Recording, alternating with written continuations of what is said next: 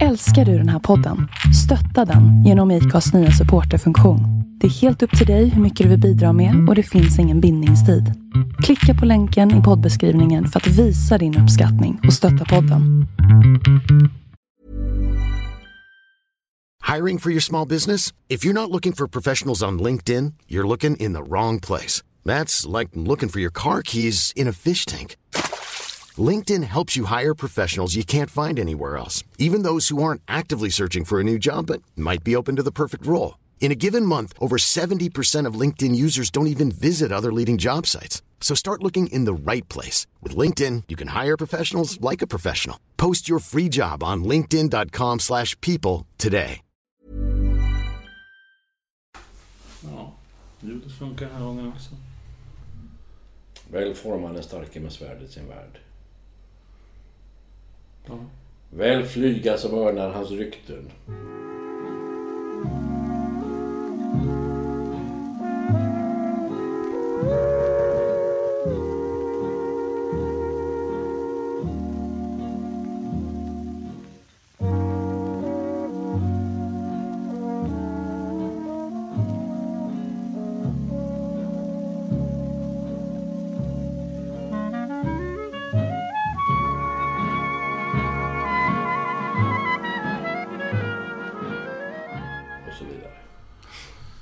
Jag kommer ihåg när vi någon gång av de första poddarna vi gjorde så började jag så här. Och nu har våren kommit. Och nu har hösten kommit. Nej, nej, nej, nej. Jo då.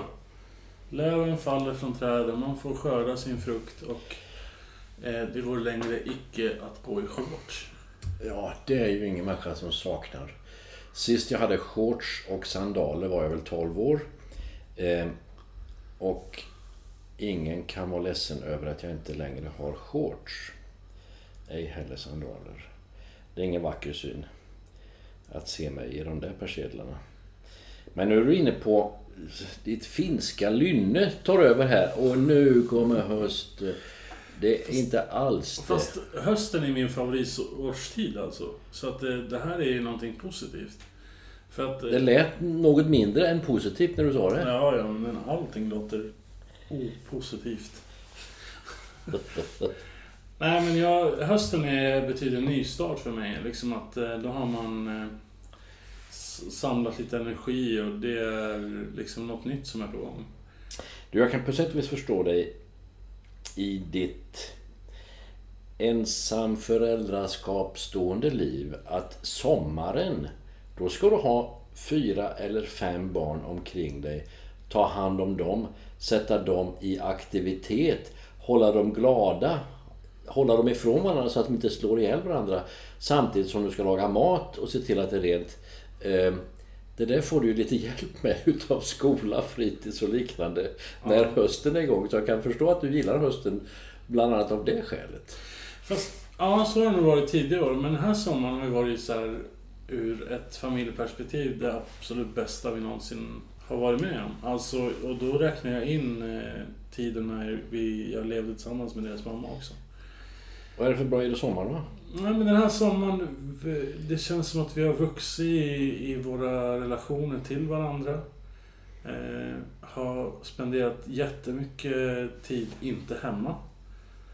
Eh, på annan plats och eh, fått göra saker som vi inte har gjort tidigare.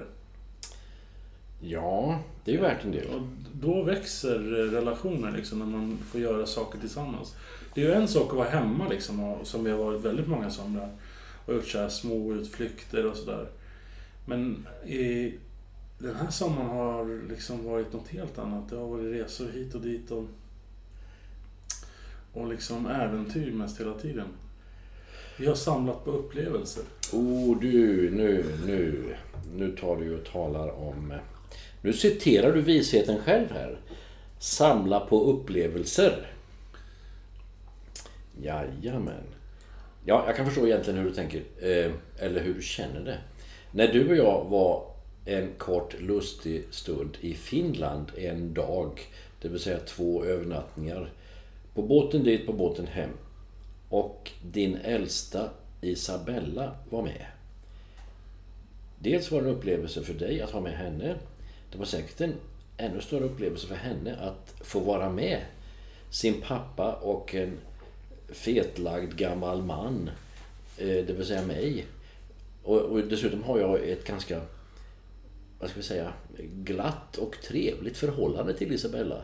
12 år gammal. Jag kan prata lite fritt ur hjärtat och nästan lite vuxet med henne för att hon är, hon är mer vuxen än sina 12 år. Den saken är klar. Så visst är det, det är en upplevelse. Att samla på, även om det var bara över loppet av, vad kan det vara, 48 timmar eller någonting sånt där. Men eh, alltså hon pratar ju om det fortfarande. Om den resan. Ganska frekvent. Och eh, varje gång hon kommer på någonting som påminner om den resan så nämner hon det ganska frekvent. Ser? Och Ser du? hon skickar ett sms då och då. Så här. Ja, Idag såg jag det där som vi såg i Åbo. okej. Ja, du menar en tavla? Ja. Ja, sådana finns i Sverige också. Du, alltså, vad hette den store finske konstnären vars tavla Kallar vi Gallo. Något sånt där. Du är kass. Han är kanske tillsammans med Järnefelt Finlands största konstnär. Axel Galén Kallela. Ja. Ja, Ak- Axeli. Ja, K i Kallevi var ju rätt, men han heter Kallela. Eh, Du har ju fel bara. Det är ju dina 17. Jag ska inte kunna det, men du måste kunna det. Nej, men, per definition ska inte du kunna någonting som inte är svenskt då? Jag kan mycket annat också. Du, jag ska säga dig en sak här. Nu ska jag skryta med mig själv lite grann. Eller, eller inte. Eh, skryta med mig själv, det gör jag så fort jag vaknar. Men, men jag fick ett samtal idag. När jag höll på med någonting helt annat. Från en trevlig ung man. Från Tyskland, svensktalande, men från Tyskland. Han hade ett problem. Han försökte förklara hur han hade skruvat ihop eh, alltså ett, ett bord. Jag tänkte det var någon IKEA-bord någon slag, men det var det inte. Det var ett gjutjärnsstativ med armar som går ut och han skulle bara skruva ihop det med träskivan som då var bordet, bordsskivan. Och jag förstod inte riktigt. Ja, men jag skickar en bild, sa han. Ja, gör det. Och så fick jag se en bild på den här det- gjutna eh, stativet och eh, hur han då hade misslyckats med att åtta skruvar, av dem hade han fyra som hade funkat. Okej. De andra gick inte in, det gick inte, gick inte borra, gick inte förborra, gick ingenting. Han hade verkligen gjort lite grann. Hans pappa är inte så där praktisk så han har inte någonting att se tillbaka på. Känna igen sig av utan han försöker så gott han kan IKEA-vägen eller sådär vara sin egen hantverkare. Det är en väldigt bra hantering att bli sin egen hantverkare. Den saken är klar. Det lätt, underlättar för vardagslivet betydligt. Skickar den där bilden och så ringer han igen och så säger jag, ja men det, det är inte så tokigt det där, det var ganska bra. Men nu ska du ta, om du inte får in de där andra skruvarna. Nej, det gick inte, det var svårt. Ja, Okej, det gör ingenting. Nu tar du och lossar på de skruvarna som du redan har. Sen tar du och flyttar på det gjutjärnsstativet. Och så lägger du en sträng med lim på varje arm som går ut ifrån det här gjutna benet. Lim, sa han. Ja, vanligt lim. Ta vilket lim du vill. Helst ska det vara trälim. Men har du inte någonting annat än eh, RX-lim, Karlssons klister, han, han känner till en del svenska. Så att, eh, jaha, jag menar, han skulle fixa det.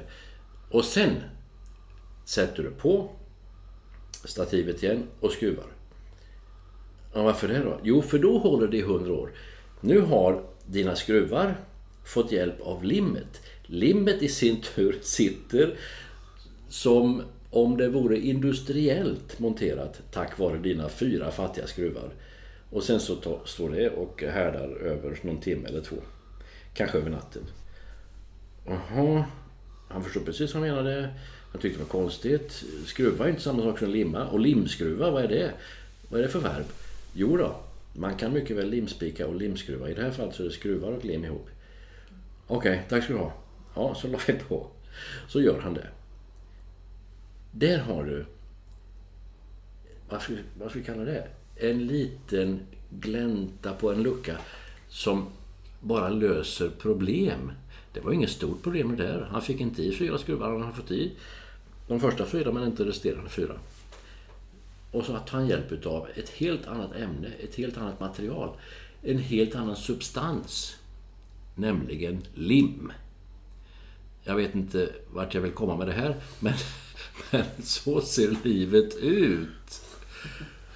Ja, jag kommer faktiskt inte ihåg vad vi pratar om. Men det går att lyssna på i efterhand. Ja, nu fick du en predikan över hur man kan lösa problem med hjälp av någonting annat oprövat. Ja, det var väl innebörden i hela historien. Ja. Och ett internationellt telefonsamtal. Alltså redan där gör det ju lite extra spännande. ja. Alla sätt är bra utom de dåliga. Ja. Ja. Nej. Jag pratade om mina barn och att det eh, har varit en fantastisk sommar. Och det gör ju att det blir lite kul med hösten också. Eh, sen är det lite speciellt i år. Eh, jag har inte längre barn i, i förskola utan alla är skolbarn. Och det gör ju det ännu enklare på något sätt. För då är det liksom samma grej som gäller för alla. Behöver inte sitta och tänka på vad som gäller på förskolan och sådär. Det är skolplikt som gäller och eh, eh, jag skulle vilja vara hemma idag, det funkar inte längre. Så Nej, var det ju en del med livet. Så, ja, men idag känner jag inte för att gå. Nej, men då stannar vi hemma då. Och sen har vi hittat på någonting hemma. Och det är inte så bra. Av flera anledningar. För att då blir det oftast att man sätter sig med mobilen och, Ja, ja. och TV och liksom sådana saker.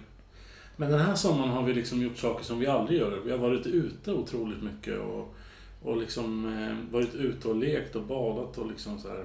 Ute i Guds natur. Ja. Och det... Det är ju något jag har strävat efter. Det är inte så svårt att gå ut i naturen. Det är ju helt gratis dessutom. Mm. Men steget från att i teorin tänka att det här ska jag göra till att eh, fysiskt göra det, det är, har varit jättesvårt. Jo, men då har vi hela skocken att släpa på dessutom. Jo, men eh, jag tror att det är jag som har varit eh, den som har dragit fötterna efter mig. Jaha. Alltså, vi, vi bor ju liksom eh, 50 meter från skogen här. Ja. Vi skulle bara kunna gå ut i skogen och leta svamp eller vad som helst. Men av någon anledning så gör vi inte det. Men när vi inte är hemma så gör vi det. För att det finns liksom någon sorts tradition i att Ja, ja. eh, när man är där uppe i Kramfors, då, som jag varit ganska mycket. Eh, att man går ut och håller på med bär och de har en jättestor trädgård där och, och sådär. Det blir lite mer scout över det. Minns du i Åbo, denna enda dag vi var i Åbo? Och vi gick omkring och lufsade och drack kaffe där det var öppet och bara väntade på att banken Nordea skulle öppna. Mm. Och vi passerade torget i Åbo. Mm. Mycket vacker stad Åbo för övrigt. Då sålde man allt möjligt som man gör vid torghandel. Man sålde också kantareller och blåbär. Vem var det som sålde det? Ja, det var ju asiaterna. Ja, visst är det märkligt. Men jag tycker samtidigt det nästan lite kul och lite, man bör nästan eh, av bara gynna dem skäl köpa. Men din teori spricker, för jag tänkte på det där när jag var i Stockholm. Och, och gick igenom Hötorget, för då var det ju samma. Bär och kantareller liksom. Ja. Det stod svenska kantareller och det stod, såg ut som så här... Eh, vad heter de här eh, tjurarna? I, I belgiska... Som är så jättefulla med, med steroider. Typ här Blue, Ja, jag menar alltså eh, Blue... Blue Bull eller vad heter? Nej, vad heter den? Eh, ja, ja, ja, alltså jättetjurar. Eh, blå... Vad sjutton heter de där tjurarna? Ja, ja, fortsätt. Ja. Eh, och de, det var ju verkligen sådana kantareller. Det var ju som att man, ska man hålla i skälket får man hålla med hela handen. Liksom. Så stora var de. Oj. Eh, eh, och det var ju inte asiater som stod där. genmodifierade kantareller. Ja, Belgisk blå. ja. Belgian blue. ja Så heter precis. Eh, utan det var ju liksom eh, invandrare av alla nationaliteter som stod. Ja, ja, ja. Så att, eh, men Eh, när man hör om norrländska bärplockare så pratar man alltid om eh, thailändare och så. Ja, ja. Så att eh, det är din teori lever i allra högsta grad, bara inte på Hötorg. Ja. Du, har du sett en belgisk blå någon gång? Ja, alltså liksom bild. Nej, jag menar i verkligheten. Nej, nej, nej. Det har nämligen jag gjort. De där, det var ju mycket protester och krångel och skriverier och allt möjligt. Eh, Stackars veterinärer. För de kan ju inte, de kan ju inte betäckas eh, på vanligt sätt och de kan ju inte förlösas annat än med kejsarsnitt och krångel. Eh, det är en, svår eh, hantering utav den här jätte, jättekossan, eller jättetjuren. Vi var på väg ett gäng till Karlshamn av alla ställen. För att lyssna på... Kom, nu ska du få höra. Creedence Clearwater. Status Quo. Eh, eh, Kent råkade vara där. Det var alltså i början av deras karriär. De var nästan inte kända ens. Eh, och vad var det mer för en? Det var alltså sådana här... Du, du, du, du, du, rätt... Eh, Electric Light. Ja, tidigt 90-tal, sent 80-tal och för all del även 60-70-tals band. Status Quo var en upplevelse att höra. och Lynyrd Skynyrd, åh, bara en sån sak. Det är klart vi åkte dit.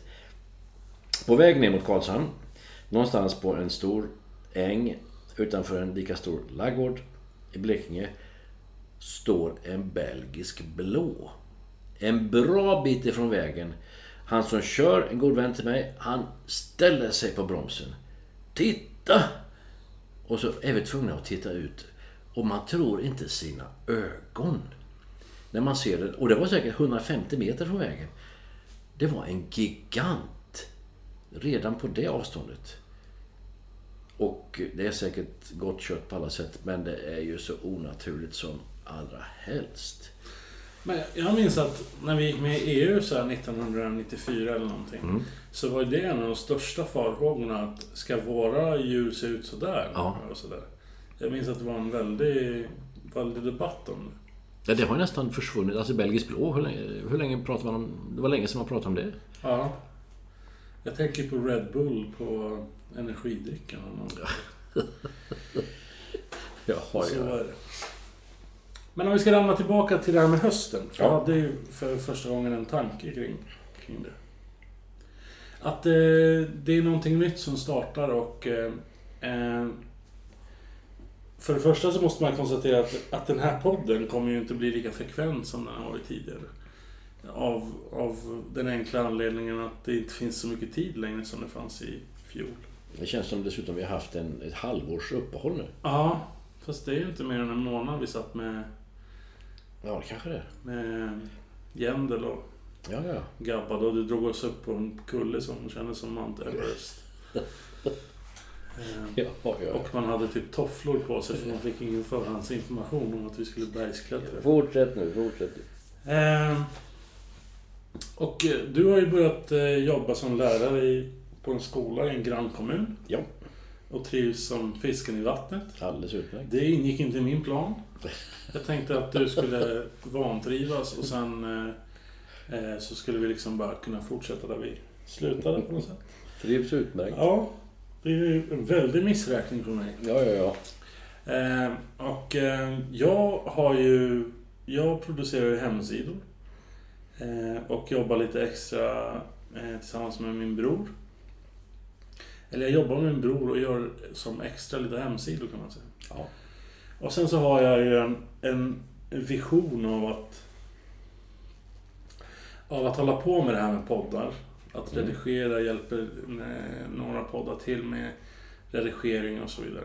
Och det är väl det jag vill göra liksom. Inga jättestora pengar i den branschen kan man säga. Mm. Men, eh, men det är kul. Och sen har jag liksom funderat på, ja, men vad är nästa steg då? Jag gillar ju det här poddradioformatet. Mm. Det passar mig, jag tycker jag behärskar det mesta när det gäller det. Så jag har helt enkelt kommit på att jag, jag eh, för jag har på med en bok hela sommaren här. Som är liksom baserad på de här morgonandakterna. Så eh, i och med det att jag ska släppa den i höst så kommer jag... Eh, den ska heta Har du en minut? Mm. Mm. Och handlar om andakt och om att vila, men inte sova. Om du förstår vad jag menar. Mm, mm. Så, och jag kommer också åka runt och föreläsa om, om det ämnet i samband med att boken släpps. Mm. Och eh, även dra igång en, en podd under det namnet. Fast det blir bokstavligen en minut varje dag. Eh, Det ska inte vara längre. Nej, värld. utan så här, man... Min, I mitt huvud, det blir ju aldrig som man har tänkt sig, men, men tanken är att man så här, klockan sju varje morgon ska kunna lyssna en minut på det här. Och sen ta med sig den tanken resten av dagen. Ja. Eh, och vila i det. Ingen dum, inget dumt upplägg. Nej. Eh, och en minut, eh, det blir ju en utmaning att liksom koka ner någonting på en minut. Ja, det tar en minut för mig att bara tänka vad jag ska säga. Ja. Eh, jag är åt samma håll. Men, men eh, jag tror på det här och jag, när jag har liksom droppat den här idén bland folk som jag tycker har en rätt sund inställning så har jag fått bra feedback. Plus den feedbacken som jag fick på morgonandakterna så känns det som att ja, men det ska jag göra. Och sen försöka skapa då en webb webbaserad tjänst eller verksamhet som eh, på något sätt eh, anammar idén att vila i saker. Och att eh, gå emot det som den här liksom samhället är idag. Stressigt och du ska hinna och, och, och liksom man är så trött och sliter efter semestern för man har inte hunnit vila för att man far och flänger överallt. Och, Yes. Eh, och nu när man börjar jobba så jobbar man måndag till fredag och sen lördagen så måste man ju hinna det här och hinna det här och hinna det här. Så man är alldeles slut på måndagen sen man ska börja jobba igen. Eh, så det blir ju en sorts motvikt till det, har jag tänkt. Mm, mm. Bra upplägg, bra tanke. Mm. Eh, bra behov för övrigt. Bra tillfredsställelse av detta behov. Det tror jag. Och sen kan jag vara pappa också. Ja. Och det har ju liksom varit förutsättning hela tiden att... Eh, eh, jag, jag beundrar verkligen dem, för det är mammor bara vi pratar om. De mammor som kan ha tre, fyra, fem barn och jobba heltid samtidigt. ja. Det, är, de, det är ju verkligen de riktiga superhjältarna. Alltså. Det är ingen dålig insats i tillvaron. Det är det inte. Eh, Det finns en undersökning från Volvo aktiebolag. Ganska, det är innan de såldes först till Ford och sen till eh, kinesiska Geely. Geely. Det här är alltså när Volvo var helt svenskt och eh, det bara hette Volvo, inte Volvo lastvagn och inte Volvo Car eller personbil eller vad det heter nu. Utan det, när allting var Volvo så gjorde man en undersökning av mellanchefer. Alltså inte de på golvet, inte överste kucku, utan gänget emellan. Och det handlar om 500-600 mellanchefer. Man tog helt enkelt ett blodprov. Det är inte mycket till undersökning kan man tycka, men det var vad man gjorde. Under loppet av relativt lång tid och alltid mellan 3 och 4 på eftermiddagen. Måndag till fredag. Och sen sammanställde man en liten slutsats av det där. Och då var det en tydlig uppdelning i resultatet. Alla mellanchefer som var män, förmän och liknande, de hade just denna tid på dygnet, mellan 3 och 4, en minskande grad av stresshormon i blodet. Alla människor som var kvinnor hade precis tvärtom. Stresshormonet gick upp mellan 3 och 4. Männen hade möjligen den här tanken Oh, snart är jobbet slut. Nu ska vi se vad jag ska göra. Kanske ska jag göra det och det och sen så får kvinnorna Nu ska vi se, nu nu är det dagis. Har vi någon mjölk hemma? Eh, vad har jag? Alltså, helt olika sätt att se på nu är jobbet snart slut. Stresshormonet gick upp i topp på alla kvinnor. Och just den gruppen som då lite grovt kan eh, betecknas mellanchefer. Det är den gruppen som går in i väggen och det är 80-85% kvinnor av hela gå in i väggen-gänget. Kvinnor som är mellanchefer, en rektor på en mellanstadieskola, någon löneassistent på något företag av lite bättre kaliber. Eh, Sådana saker. Som inte rår med att vara aktiv på sitt arbete, att vara chef, att ha ansvar och samtidigt vara mamma och se till så att det finns mjölk och ägg och bröd hemma. För det är vad de gör. Av bara farten. Ja, jag tror att eh, du har rätt. Att det är 85% kvinnor som... Men däremot så tror jag att det är ännu... Alltså att den största gruppen kanske inte är mellanchefer längre utan eh, kvinnor i vården, kvinnor i skolan. Ja. Eh, då, det hör man ju hela tiden. Det här, just den här undersökningen, det var bara mellanchefer. Ja. Det var en specificerad grupp som de skulle undersöka. Och till Volvos eh, fördel får man väl tillägga, för att de gjorde den här undersökningen för att se hur de skulle kunna underlätta för sina anställda att fortfarande vara anställda, att fortfarande vara mellanchefer. ja, all heder till Volvo för det. För det är ju verkligen inte ens i kommunen bryr man sig om det. Nej. Eh, och det är därför folk liksom jobbar 130% och sen på något sätt ska ha ett liv vid sidan om och det, då Ja. blir man ju trasig liksom. Ja, Och sen arbetsplatser som inte fungerar. ja, ja. ja, ja. Jag hade en, en granne som, hon var eh, alltså utbildad eh, eh, förskolepedagog. Jobbade inom det i säkert 20 år. Gick in i väggen. Eh, och sen studerade med henne på eh, för att bli undersköterska. Och eh, nu är hon klar undersköterska och jobbar som, eh, som det. Men jag ser ju på henne att hon kommer ju smälla i väggen igen. För att det Mm. finns liksom ingen, det finns inget, inget skyddsnät inom, inom just de två eh, områdena. Och hela tiden kommunal arbetsgivare. Ja, ja. Ja. Jag, tror i och för sig att det är bättre bland de privata. Kanske Nej. ännu sämre där. Nej, men det Men, är eh, väl lite snabbare bud mellan att eh, säga någonting på en, till en privat chef eller till en kommunalt... Ja, jag vet inte. Ja. Men eh, ja, Och det är lite märkligt att, att man inte gör som Volvo. Att man liksom försöker att eh, värna om sina anställda lite grann. Och speciellt när det är som bristvara på, på folk inom de yrkesgrupperna. ja, ja, ja. Och lärare ska vi inte ens prata om. Alltså, eh, på, på mina barns skola så är det flera lärare som varje år har i princip har fått en ny lärare för att eh, de orkar inte med den här dokumentationen och eh, sätta någon sorts omdömen och alla föräldramöten. Och det blir liksom ingen, ingen ork kvar till att undervisa. Nej. Så är situationen för många lärare. Men alltså man har, inom polisen har man gjort så att man har ju anställt administratörer som sköter det där. Administrativa. Och sen får poliserna göra polisjobb istället. Ja. Det borde man ju satsa på inom skolan. Liksom. Eller möjligen sänka mängden papper som ska dokumenteras, skrivas, tryckas ut, sättas i en pärm. Ja men du är ju den djungeln som det innebär att vara lärare. Eh, Känns det meningsfullt allting som du gör? Eh, alltså rent det, dok- det som ska dokumenteras. Ja, alltså jag har ju varit lärare i 35 år och jag gör ju lite vad jag vill. Och det betyder, jag dokumenterar nästan ingenting.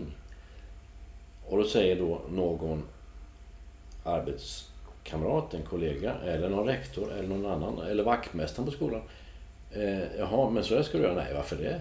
Jo, men det gör alla andra. Okej, kan hända. Behövs det? Är det nödvändigt? Lär de sig bättre? Alltså jag har hela tiden en arsenal av motfrågor som naturligtvis måste kunna besvaras, annars gör jag inte det. Så, men det har att göra med att jag liksom låter mig inte precis påverkas av och sådär. Nej, men då, då måste man ju ändå dra slutsatsen att eh, all den här dokumentationen inte är nödvändig. Det är den inte. På inget sätt nödvändig. Men varför gör man det då? Ja, alltså när man har fått ett digitalt verktyg. En hel kommun har satsat mycket pengar på att det ska vara digitalt på si och så sätt. alla ska kunna ha tillgång till det. det och allting är demokratiskt och vänligt och snällt och, och, och snabbt går det. Och så ökar arbetsbördan utöver undervisningssituationen. Något monstruöst. Eh, nej du, det jobbet består av lektioner. Sen så gör man grejer emellan för att lektionerna ska fungera. Om man har den inställningen, lärarjobbet, det är undervisning. Ingenting annat. Och jag har den inställningen. Då kommer man lite lättare undan. Ja, det låter ju sunt. Jag förstår bara varför inte alla andra gör det. Liksom. Ja, nya, fem år gamla yrket. Jag har varit lärare 35 år. Jag bryr mig inte om det där. Eh, det har funkat i 35 år och det funkar nu i en helt annan kommun. Jag har aldrig varit där eh, på skolan och nu är det så. Tacksamt. Ja, men man måste... Jag, jag har ju... Vad ska vi säga? Jag låter mig inte precis charmeras av, av eh, digitala verktyg. Eh, det som skrivs med en penna på ett papper skrivs samtidigt lite svagt in i huvudet. Så det är lättare att repetera in det man just har lärt sig om man just gör den. Det här är inte mina idéer. Det här är, det är psykiatri. Eh, det är inte jag som hittar på det här. Att om du skriver ner någonting så sitter det och man lär in engelska glosor ett ord i taget. Man lär in en fras, en fras i taget. Och sen så kan du ha matriser och olika saker och snitsiga formuleringar och tro att man lär in snabbare för att man har tillgång till en padda eller en telefon eller en bärbar dator. Nej och nej, allting är uppförsbacke. Det är kul att kunna, det är tråkigt att lära sig. Det är kul att kunna spela fiol, det är urtråkigt att lära sig. Men eh, menar du att du liksom är lite emot att eh, man delar ut eh, paddor i skolan? Och... Nej, nej, nej, men det är inte världens frälsning. Och vad de gör, det gör de. Men du kommer ändå inte undan att här har du någon som kan lära ut någonting och då lyssnar du på honom eller henne. Det är liksom ifrån eh, vad ska vi kalla Platons akademi och framåt så har det varit talade ord och hörda ord. Lyssnade ord. Och så är det fortfarande. Hur breda banden än är så är det talade ordet det som du hör och kan ta till dig. Sen kan du tycka att det är fel och sådär. Och det, det ingår också i paketet. Nej, nu har du fel. det där vet du ingenting om. Det är fullt, så ska det vara på en skola. Och så får man eh, argumentera för att nej, det här är faktiskt si och så. Ja, men jag hörde på TV och jag såg och så vidare. Eh, det där ingår också, det är jättebra. Det är en levande skolsituation. Men att tro att ett gäng elever med varsin padda framför sig lär sig mer, eller snabbare, eller bättre, eller att det sitter längre för att de har ett digitalt verktyg inom räckhåll. Det är fel. Jag tror att det används bara för att göra skolan roligare. Ja, lite så. Och eh, att det egentligen inte har något alltså rent akademiskt värde egentligen. Där har du för övrigt, eh, nu är du inne på ett bra ord. Jag nämnde Platons akademi. Mm. Och du sa akademiskt värde. Ja. ja. Eh, Platon i Grekland, han samlade faktiskt ett gäng som han då pratade till. La ut texten om sina eviga sanningar. Han var inte dum i huvudet, han, han kunde det där. Och då var de utanför Aten i en, eh, i en liten trädgård, en lund som tillhörde en man som hette Akademos. Det är hans namn alltså. Och utav hans namn så har det blivit akademisk och academy och ta vilket språk du vill. Nog för att akademos finns med i, i eh, allt som har med skola och med skoluppgifter, föreläsningar att göra. Så där har du ursprunget till det ordet. En helt vanlig greks ganska förmögen för all del, men en helt vanlig grekisk mans namn har gett oss det där skolordet akademisk.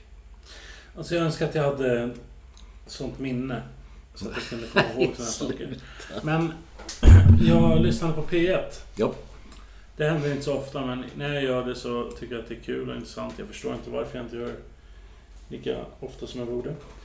Men då var det något sorts eh, konstprogram Mm. som jag lyssnade på. Eh, jag kommer inte ihåg vad han hette som det handlade om. Konst i radion. Ja, Det är ungefär lika finurligt som att vara chef för eh, radiobaletten. de pratade väl om konstnärer då. Ja, ja, okej. Eh, och då fanns det någon som var kompis med Picasso. Mm. Som eh, också målade naturligtvis. Mm. Och han eh, hade blivit kär i en av sina som han hade målat av, porträtterat. Ja, ja, det är inte så ovanligt. Eh, och han hade friat till henne flera gånger och sen en kväll mötte han henne på en restaurang och han friade igen och hon sa nej. Då tog han en pistol och sköt Försökte skjuta henne och så sköt han sig själv. Hon överlevde och han eh, dog. Du, det där måste jag ju kunna, men det gör jag inte. Okej. Eh, och det initierade Picassos blåa period. Jaha, ja, ja, ja. Det är alltså innan han startar kubism och det. Eh, och det har... Det här skapade naturligtvis en... Eftersom det var Picassos kompis. Jag tror de delade ateljé till och med. Alls ändå. Ja, ja, fortsätt. Eh, det var något spanskklingande namn. Ja. För att den blå perioden och rosa perioden är innan han åker till Paris och börjar med sitt fyrkantiga. ja. Ja, Och han eh, blir deprimerad av det där. det är klart. Och eh, inleder sin eh, blåa period. Och där, sammankopplat med psykiatrin som du precis nämnde. Att blå, den blåa färgen representerar då depressioner och må psykiskt dåligt. Och, Ja, och hur rätt har de inte? Det är lite märkligt. Ehm, det finns en färgteori utav en annan konstnär som verkar i Tyskland i det som heter Bauhaus. Han heter Kandinsky från Ryssland, eller Vitryssland från början. Stor målare, fantastisk målare. Kandinsky hade en, en färgteori, eller en färglära. Ehm, alla, alla kulörer hade då en viss effekt, en viss eh, egenskap. Dels på själva duken och dels då på människors uppfattning av. Så att eh, gult till exempel, det var en strävan utåt. Ur, framåt, åt sidorna. Blått har en strävan inåt. Eh, motsatsen till gult. Och om du blandar den här ivern i det gula med motsatsen till iver eller ett, ett sånt där häftigt anslag i det blåa då får du grönt, inte sant? Gult och blått blir grönt. Och av det skälet, bland annat, så är alla operationssalar i hela Sverige, förmodligen i stor del av världen, grönmålade. Därför att det är en lugnande färg. Här har Balans. du en balans där mellan det här strävan utåt och eh, eländet inåt. Och så får du en lugnande effekt. Och eh, operationssköterskor och sådär har gröna kläder. Inte vita, inte blå. Eh, utan gröna. Shrubs. Och det, visst är det en intressant tanke? ja. Om jag får avsluta den här Picasso-grejen så, Så kan man... gärna. Så kan man då i Picassos konst se en kvinna återkomma gång på gång på gång. Ja. Efter den här... Ja, ja, ja, ja. Och den kvinnan är den kvinnan som den här vännen försökte mörda. Oj då. Och eh, hon blev sedermera någon sorts konstpersonlighet också. Ja, ja, ja. Jag tycker sådana historier är fantastiskt fascinerande. Och sen sa han så här, ja, just om den blåa färgen, att man får för sig att det är någonting positivt. Så man tänker att himlen är blå och vattnet är blått. Fast det är det inte.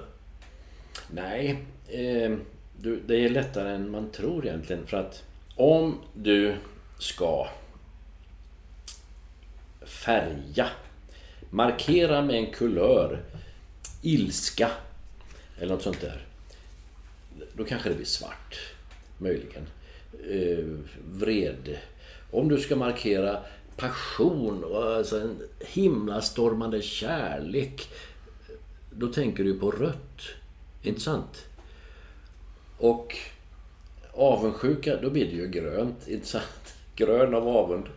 Men längtan.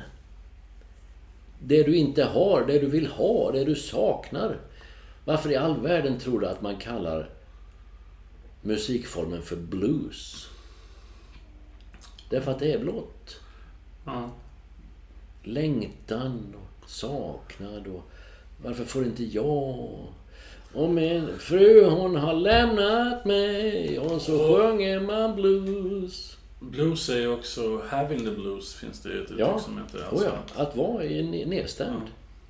eh, På tal om nedstämd och eh, den blåa färgens representation. Mm. Så fick jag häromdagen den här pamfletten där det står Kan de döda få liv igen? Och jag behövde ju inte fundera många gånger innan jag förstod att det var Jehovas som delade ut den. Jaha. Men! De såg att det kom ut från en kyrka. Det här var precis utanför Lövstadskyrkan. Och de var inte intresserade av att diskutera det. Nej, nej, nej. Utan bara så här, här varsågod. Och det är ju inte min eh, bild av Jehovas vittnen. Ja, men du har ju dessutom lite eh, erfarenhet. Mm. Jag har ju varit ingift i en sån eh, coconuts-släkt. Ja, ja, även om det bara var två veckor så var du åtminstone gift på... Ja, ett halvår var det. Okej.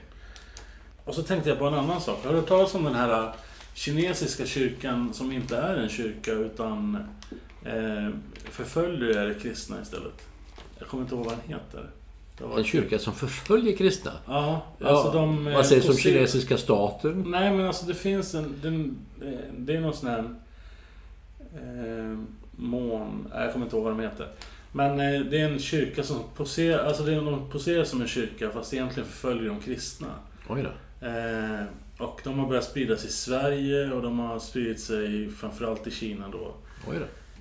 Och eh, här i den här pamfletten port- porträtteras då de godtrogna eh, gudsföljarna liksom som asiater. Ja, ja, ja, ja. Det ser ju inte ni som lyssnar nu, men det är faktiskt ren och skär asiatiska drag på bilderna här. Ja. Typiskt Jehovas vackra bilder. Mm. Eh, oh ja.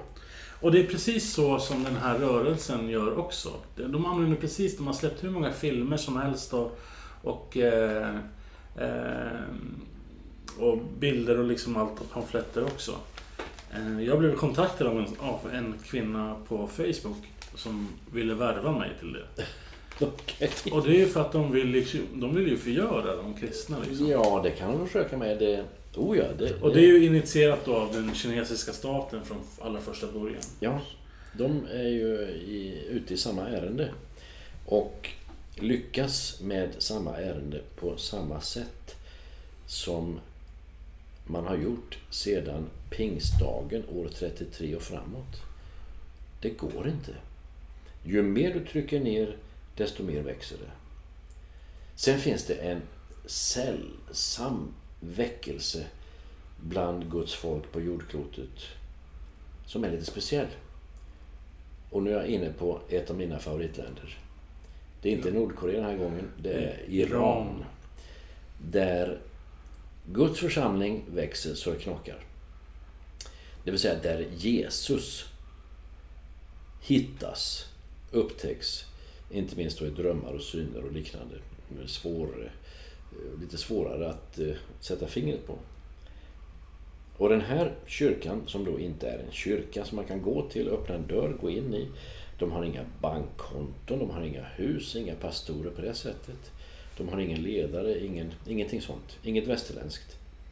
Den här kyrkan, den här församlingen, den här kristna gruppen, den här kristna rörelsen. Den är ledd eller initierad eller får sitt bränsle av, kanske man ska säga, av kvinnor. Det är alltså kvinnor i Iran som vinner andra kvinnor och i sekundärt vinner sina män. Eh, det är också en typisk sån sak. Det börjar alltid med kvinnorna. Det börjar alltid med kvinnan redan vid eh, den öppna graven. När de tre Marierna är där och- och tittar och han är inte här, han är uppstånden, säger en ängel till dem. Eh, Jo, alltså det är så typiskt. Iran är en kvinnorörelse för Guds rike. Väckelsen där. Och du skickade mig en länk häromveckan som bara talade om att nu har mullorna, alltså överste kucken och hans eh, underpräster erkänt en, ett problem. Nu är det helt vanliga iranier, inte, inte någon amerikansk kyrka och missionsorganisation som är här och stör, utan helt vanliga iranier möter Jesus, blir kristna, lämnar islam. Och då, då finns det en annan liten egenhet som retar ihjäl dem ännu mer. Inte bara att de lämnar Iran, för det är, äh, lämnar islam. Det är ju naturligtvis förbjudet per definition. Man kan läsa om det också. Det står ganska tydligt om det.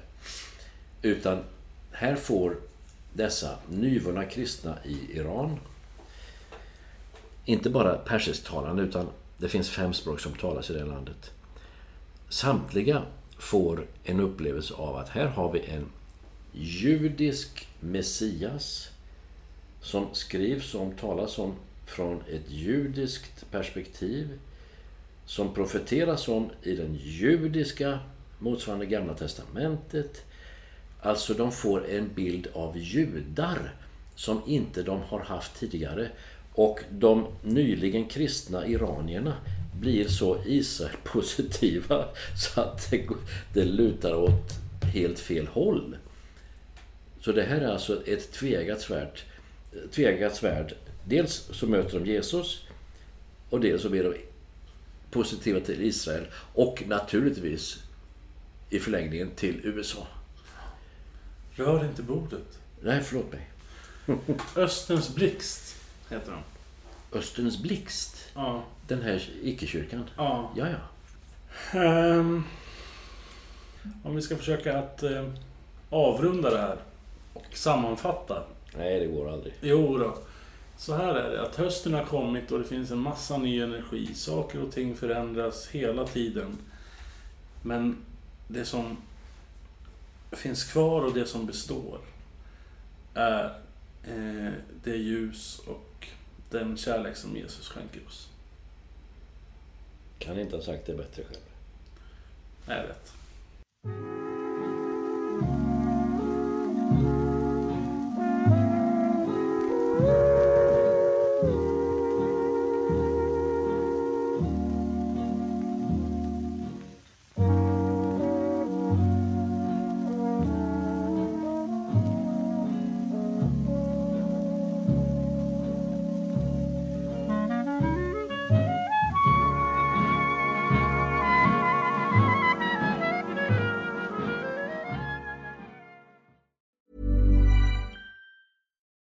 deserves the best, and there's no better place to shop for Mother's Day than Whole Foods Market. They're your destination for unbeatable savings, from premium gifts to show-stopping flowers and irresistible desserts. Start by saving 33% with Prime on all body care and candles. Then get a 15-stem bunch of tulips for just $9.99 each with Prime. Round out Mom's menu with festive rosé, irresistible berry chantilly cake, and more special treats. Come celebrate Mother's Day at Whole Foods Market.